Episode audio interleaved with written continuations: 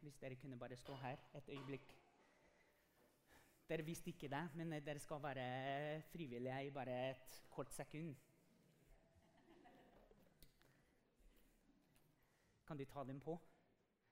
Tusen takk. Kan de ta dem på, de andre òg? Kanskje dere kan stå litt mer eh, fram her. Ina Maria.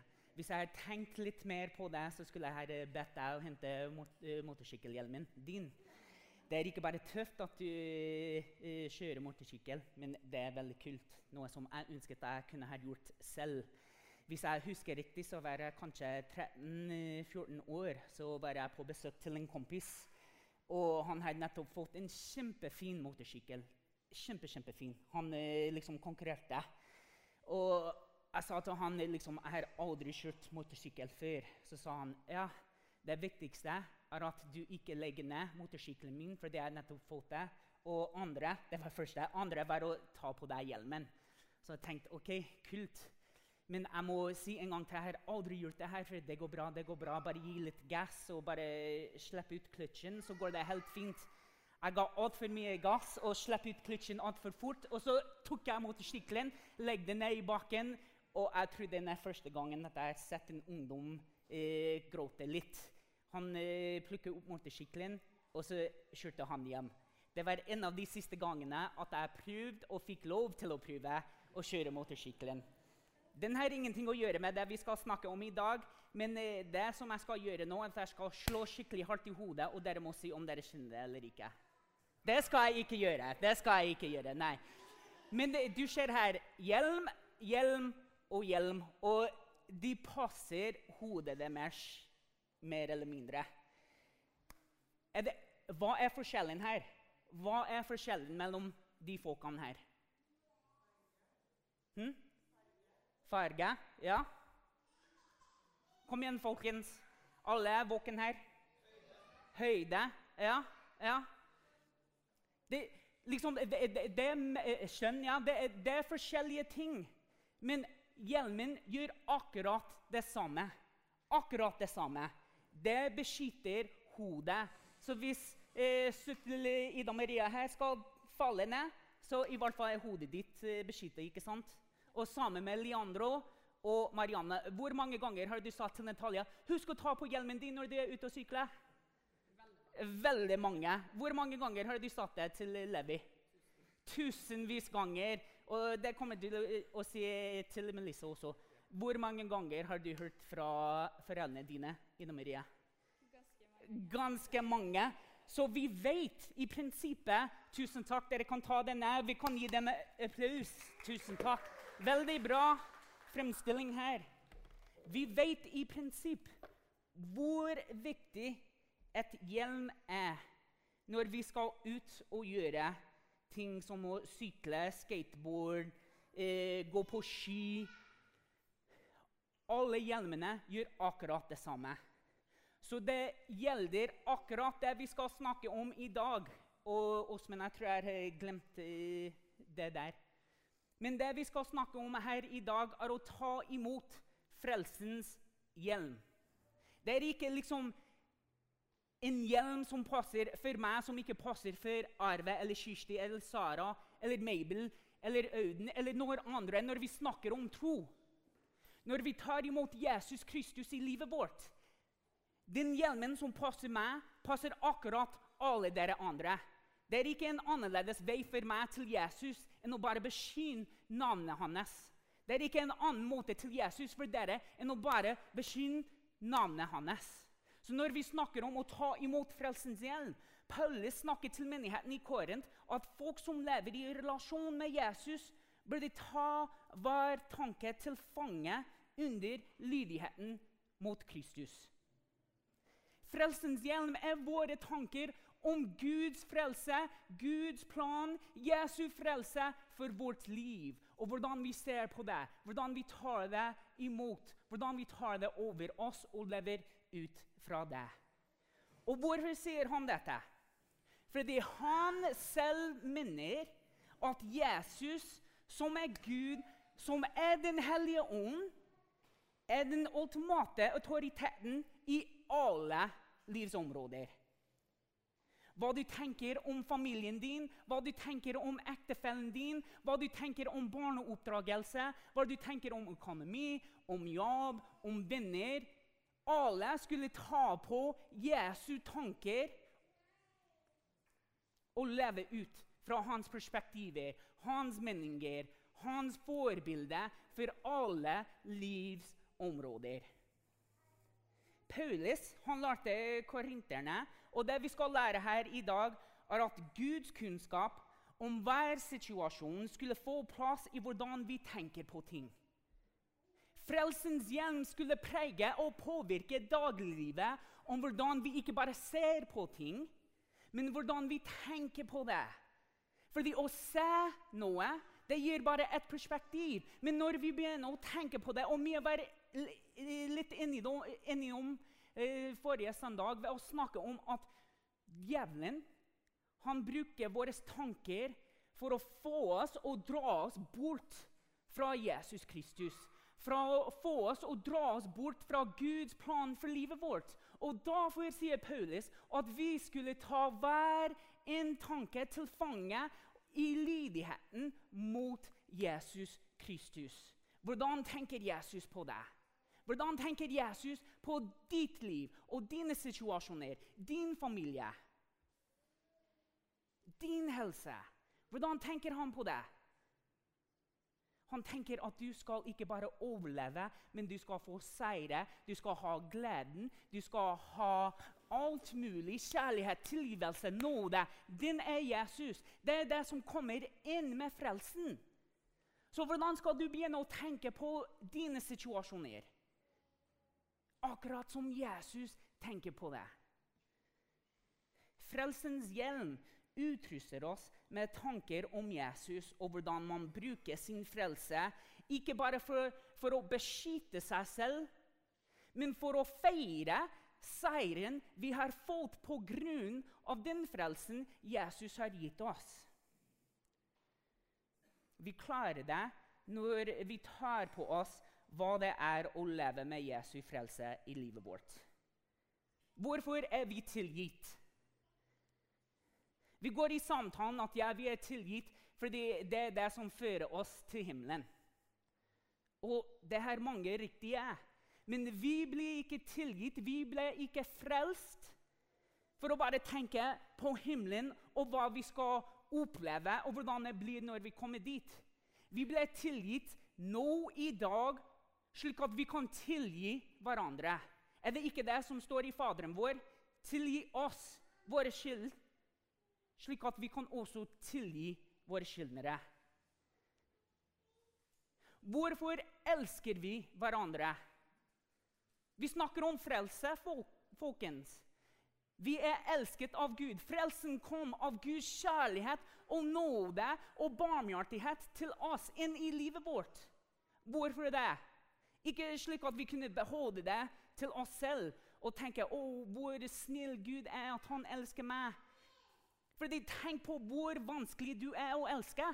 Hvis du er ærlig med deg selv, hvor vanskelig er du å elske?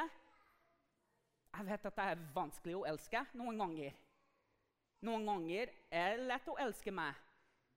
Men hvis vi er elsket av Gud uansett hvem vi er, og hva vi gjør i livet vårt pga. nåden hans, skulle vi ikke også bare elske hverandre, uansett hvor vanskelig det er å elske andre mennesker? Hvorfor er vi forsonet med Gud? Igjen, Tanken er der at fordi forsoning det tar oss i det forholdet med Gud. Det forteller oss om hvem Jesus er i livet vårt, hva han har gjort for oss. Og til og med får vi å bli med til himmelen den dagen himmelen åpnes for oss. Greit. Men det er ikke den eneste grunn eller årsakene at vi har blitt forsonet med Gud. Vi har blitt forsonet med Gud med, eh, med forventningen med ønsket, ikke bare av oss selv, men fra Gud i Jesus, i kraften av Den hellige ånd, til å fortelle andre om hvordan de kan bli forsonet med Jesus og tilbake til sin skaper Gud. Paulus minner oss om at vi ikke kjemper en kamp mot det synlige, men det usynlige. Det er mange ting som skjer i livet vårt som egentlig andre ikke vet om. For meg er det den usynlige livet. Jo, det fins åndelige verden, hvor vi må kjempe i det i bønn og alle de tingene vi har snakka om i løpet av denne serien. Sannhetens belte, rettferdighetsbrynje, fredens evangelie, skjoldet vi holder opp, frelsens hjelm. Folkens, vi er forberedt for den usynlige kampen. Men akkurat som vi hørte nå, hvor mange ganger foreldrene våre, hvor mange ganger vi som foreldre forteller våre barn, til og med andre sine barn, å ta på hjelmen fordi det beskytter deg, glemmer vi det. Det usynlige, det åndelige kampen, en hverdagskamp. Det er ikke bare en, en gang iblant. Det er ikke bare når djevelen skyter pillene på deg. Det er ikke bare når du føler deg dårlig. Det skjer når det er glede i livet ditt også. Når du opplever kjærlighet. Det er det vi snakker i første delen av serien. Vanligvis angrepet kommer etter du har opplevd, tatt imot, lever i Guds vilje for livet ditt. Jeg kan love deg at kampen kommer akkurat da. Hver dag, hver dag må vi ta på Guds fulle rustning i livet vårt. Og hvordan kjemper vi kampen? Hva er en god plan? Hvordan skal vi la Guds frelse påvirke og prege livet? Fordi nå har jeg sagt det et par ganger nå. Vi skal la Guds ord, vi skal la den fulle røstning, vi skal la Den hellige ånd gjøre diss og datt i livet vårt. Men hvordan skal vi gjøre det? Og nå skal vi fylle litt eh, fort med meg her, Osmen. Frelsens hjelm hjelper oss med å gi oss riktige og gode tanker. Gode rutiner og støtte når vi var leser i Bibelen. Når vi var Sett av tiden til en Connect-gruppe. Fordi Når vi leser i Bibelen, når vi leser om Guds plan for livet vårt, som er å bli frelst av Jesus Kristus det, det kan ikke gjøre noe annet enn å begynne å få plass i dine tanker. Ja, men Hva betyr Jesu frelse for meg og livet mitt? Hvem kan jeg snakke med Guds frelse med? Kanskje jeg skal slå opp i Bibelen. Fordi Først og fremst må jeg tilbake til at frelsens hjelm det hjelper oss å stå opp hver eneste dag. Hvis det er en hver eneste dags kamp, da må vi være klar for det. Hvem her har noen gang øh, valgt i en kamp hvor de bare slåss kampen sånn her? Hvis du slåss kampen sånn der, jeg lover at du taper den kampen. Hver dag må vi stå opp og være klar for kampen. Og hva gjør det? Guds tanker om oss, Guds tanker om dagen. Guds tanker om hvordan vi skal slåss mot djevelen og ondens pilene, slik at vi kan slukkes dem som mye snakket om forrige søndag. Les i Bibelen. Når jeg åpner opp Bibelen og leser Guds ord, hva han sier om meg, hva han sier om andre, om situasjoner Fordi folk i Bibelen opplevde Og hør her, folkens. Bibelen Folk i Bibelen som levde for noen tusen år siden, lever i akkurat de samme situasjoner og omstendigheter som vi bor i nå. Kanskje de så litt annerledes ut, men akkurat det samme.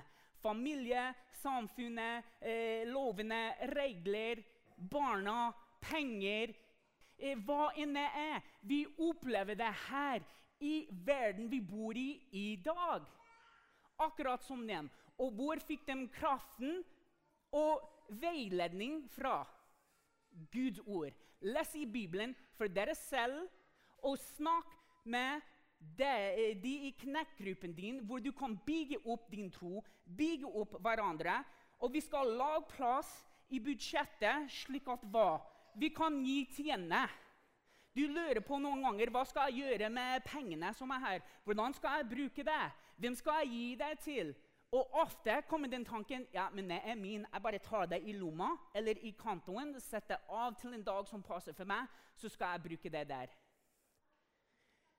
Vi som ender opp i økonomiske problemer, utfordringer, vanligvis havner oss selv opp i det fordi vi har ikke noen gode tanker, ikke noen gode verdier om hva vi skal gjøre med pengene våre. Hvor vi skal bruke pengene våre. Guds ord forteller oss at vi skal sette av noen penger for å bygge Hans rike. Og vi som en menighet er inkludert i det bildet og det ønsket å gjøre det. Nå snakker jeg om hva frelsens hjelm bringer inn i livet vårt. Det er ikke bare at Jesus har frelst oss, men her er ting som preger og påvirker hverdagen, slik at vi kan slåss det usynlige, åndelige kampen med Guds ord, med hverandre, med penger. Og vi skal være med og lede eller delta i en tjeneste i din lokale menighet. Vi skal be med folk, vi skal be, vi skal be folk å be for oss. Vi skal ta på oss sannhetens belte, ta på oss rettferdighetsbrynjen. Være klar for å gi fredens evangelie, samtidig leve i fredens evangelie. Vi gjør klar troens skjold, og vi tar imot frelsens hjelm. Her er hvordan vi skal gjøre ting hver dag. Her er hvordan vi har en god plan, gode rytmer, gode rutiner når vi overgir dagliglivet til slike ting. Men det tar disiplin. Det tar disiplin til å leve et slikt liv. Men ikke bare det. For av og til kan vi bli veldig avhengig av oss selv og hva vi kan få til, hva vi kan gjøre, hvordan vi kan gjøre det. Når Bibelen forteller oss at eneste ting vi må gjøre, er å bekjenne navnet Jesus, så er vi frelst. Og derfor trenger vi kraften i Den hellige ånd til å hjelpe oss få til de tingene her. Fordi uansett hvor mange ganger jeg har prøvd å få til det i de siste 15 årene at jeg har vært kristen, så har det alltid vært vanskelig til å gjøre det hver eneste dag. Det går en dag her når jeg går glipp av å lese i Bibelen, f.eks. Det går en hel uke når jeg vært eh, gjennomsiktig med dette her. Og liksom be for meg selv, for Guds menighet, for andre mennesker. Og jeg blir, jeg blir så liksom, det gjør meg vondt, egentlig. Fordi jeg vet at når jeg ble frelst, så ble jeg kalt til å gjøre disse tingene her. Og derfor trenger jeg Guds ånd. Fordi i Guds, Guds ånd finner jeg kraften til å bli mine på disse tingene her. Gjøre dem. Og husk at dette er en prosess. Vi blir til en ny skapning, Og det kommer vi til å lese om her om bare et øyeblikk. Mine tanker, mine følelser, mine ønsker blir gitt mening og et fokuspunkt, som er Jesus og hans frelse for livet når jeg begynner å gjøre disse tingene her. Frelsens hjelm tar til fange mine tanker, mine følelser, mine ønsker, slik at de blir til Guds tanker, Guds følelser, Guds ønsker for mitt liv. Dine tanker, dine følelser og ønsker er ment til å gi livet ditt mening. Jesus skal være fokuspunktet for deg og ditt dagligliv. Og det starter med å forstå at du er frelst i navnet Jesus ta på deg, ta imot frelsens hjelm. Tro på Jesus er noe man skal feire og være stolt av. Så ofte tenker vi at ja, vi har frelsens hjelm fordi det skal beskytte oss og våre tanker. Men jeg mener at det er også brukt for å kjempe imot Kjempe mot andre åndelige ting i livet vårt. Fordi når, eh, når du tenker på det Det, det fins noen seremonier hvor de plasserer eh, krone eller hjelm eller noe på andre for å ære dem. Og eh, at det blir en stor fest når din krone eller hjelm kommer på folks uh, hode. Akkurat er det også med frelsens hjelm. Når vi tar det på, vi tar det på for å ære Jesus, for å gi han æren for det han har gjort i livet vårt. Det Den hellige ånd gjør i oss nå, når vi begynner å proklamere og deklarere hvem Jesus er i livet vårt, hva han har gjort gjennom frelsen. Da begynner vi å bli stolt av vår tro. Da begynner vi å tenke hvordan Jesus tenker. Da begynner vi å leve som Jesus lever. Jo, vi ønsker å beskytte tankene våre. Vi ønsker å ta imot frelsens hjem, men vi ønsker også å feire hva det betyr eh, for oss og livet vårt. Vi vil ære Jesus fordi vi vet at frelsen hans gir man den største seieren noen ganger. Frelsen Jesus gir, det fyller oss med livets ånd. Og en slik ånd forbereder oss for det usynlige, åndelige kamper som livet består av. Og når vi er stolt over hvem vi tilhører, så kan vi kjempe mot det ondes angrep, som Jesus sier dreper, stjeler og ødelegger. Og hvorfor skal vi feire frelsens hjelm? Fordi han har gitt oss makten til tråkke på slanger og skorpioner og makt over alt fiendens velde. Ingenting skal skade dere. Det står i Lukas. Ingenting skal skade dere. Hør, hva frelsens hjelm begynner å minne deg på at du har fått makten i navnet Jesus, og ingenting skal skade deg. Jesu frelse gir deg et liv som er sikker på en stor sannhet. Når du kaller på navnet Jesus, og din tro er sett til Jesus, da har du ikke bare det evige liv, men de viktigste tingene du er skapt av, synet, kroppen, sjelen, ånden, de er fra nå til evig tid beskyttet av Guds fulle rustning. Jesu frelse beskytter deg i hodet i kroppen, i sjelen, i ånden. De viktigste tingene. Frelsens hjelm gir Guds perspektiv om hvordan man skulle leve et liv. Jesu frelse kan forme våre tanker om oss selv, om andre, til og med om Gud. De tankene om hva Jesu frelse betyr, burde føre mennesker til å omvende seg mot Gud og bli inspirert til å starte et forhold med Gud. Og inspirere de som følger etter Jesus, til å leve et liv full av nåde, tilgivelse og kjærlighet. Er det ikke det vi opplever når vi tar imot frelsens hjelm? Nåde, tilgivelse og kjærlighet.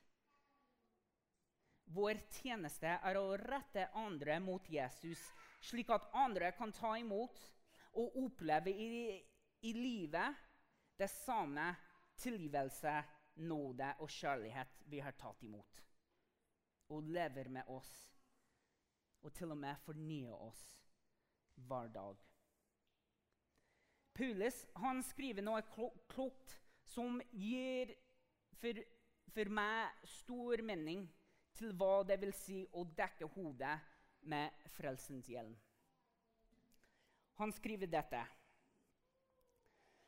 i 2.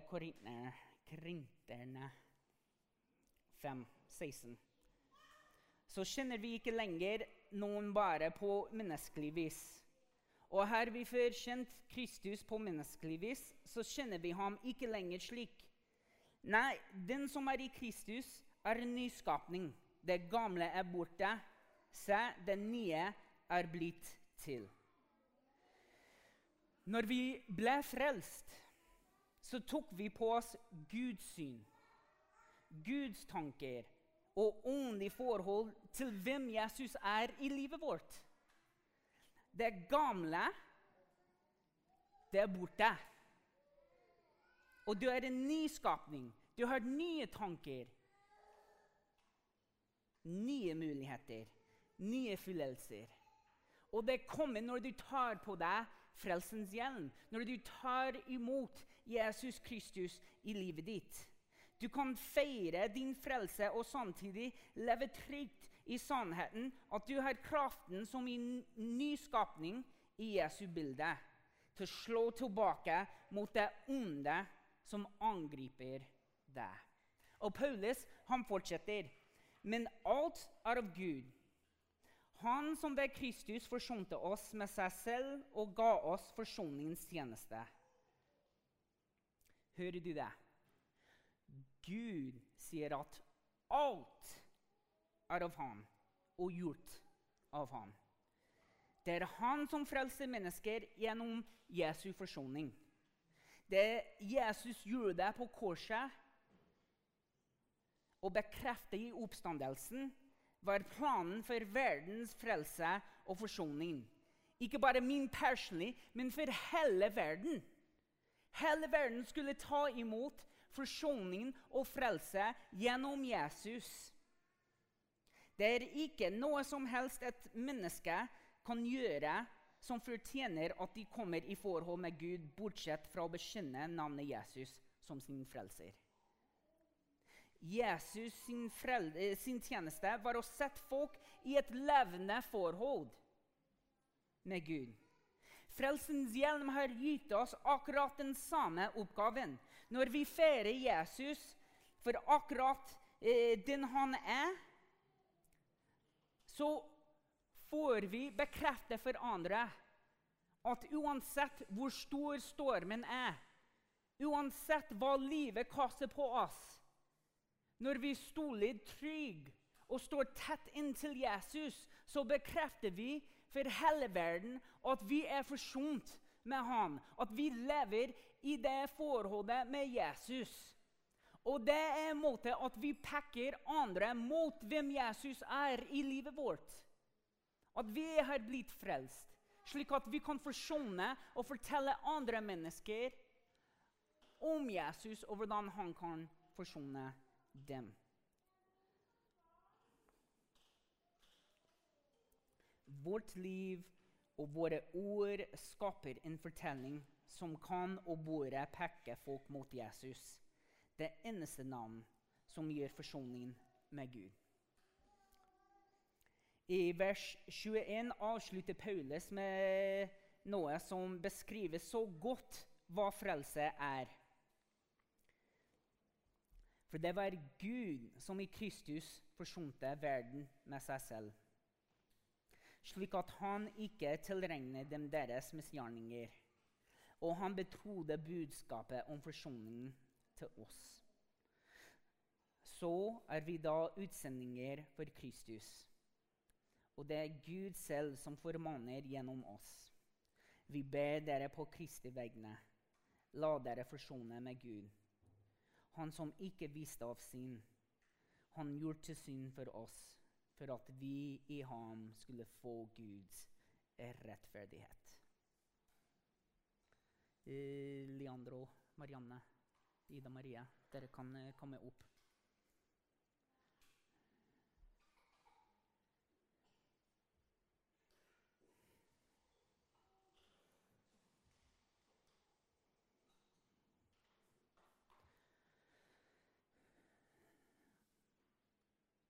Her i siste setningen her, eller vers 21 her har vi Paulus som snakker med kristne folk og minner dem på hvor viktig det er å kle seg ut i Guds fulle røstning for å kjempe imot det onde. Her står vi i dag i 2020 og gjør akkurat det samme. Vi vil minne hverandre om hvor viktig det er å kle oss ut i Guds fulle rustning. Og hør på hva Paulus sier. La dere forsone med Gud. Han som ikke viste av synd, han har gjort til synd for oss, for at vi i ham skulle få Guds rettferdighet. La oss, la oss uh, opp og stå, og la oss begynne å be og takke Gud for hans rettferdighet. Gud, i dag tar vi imot frelsens hjelm.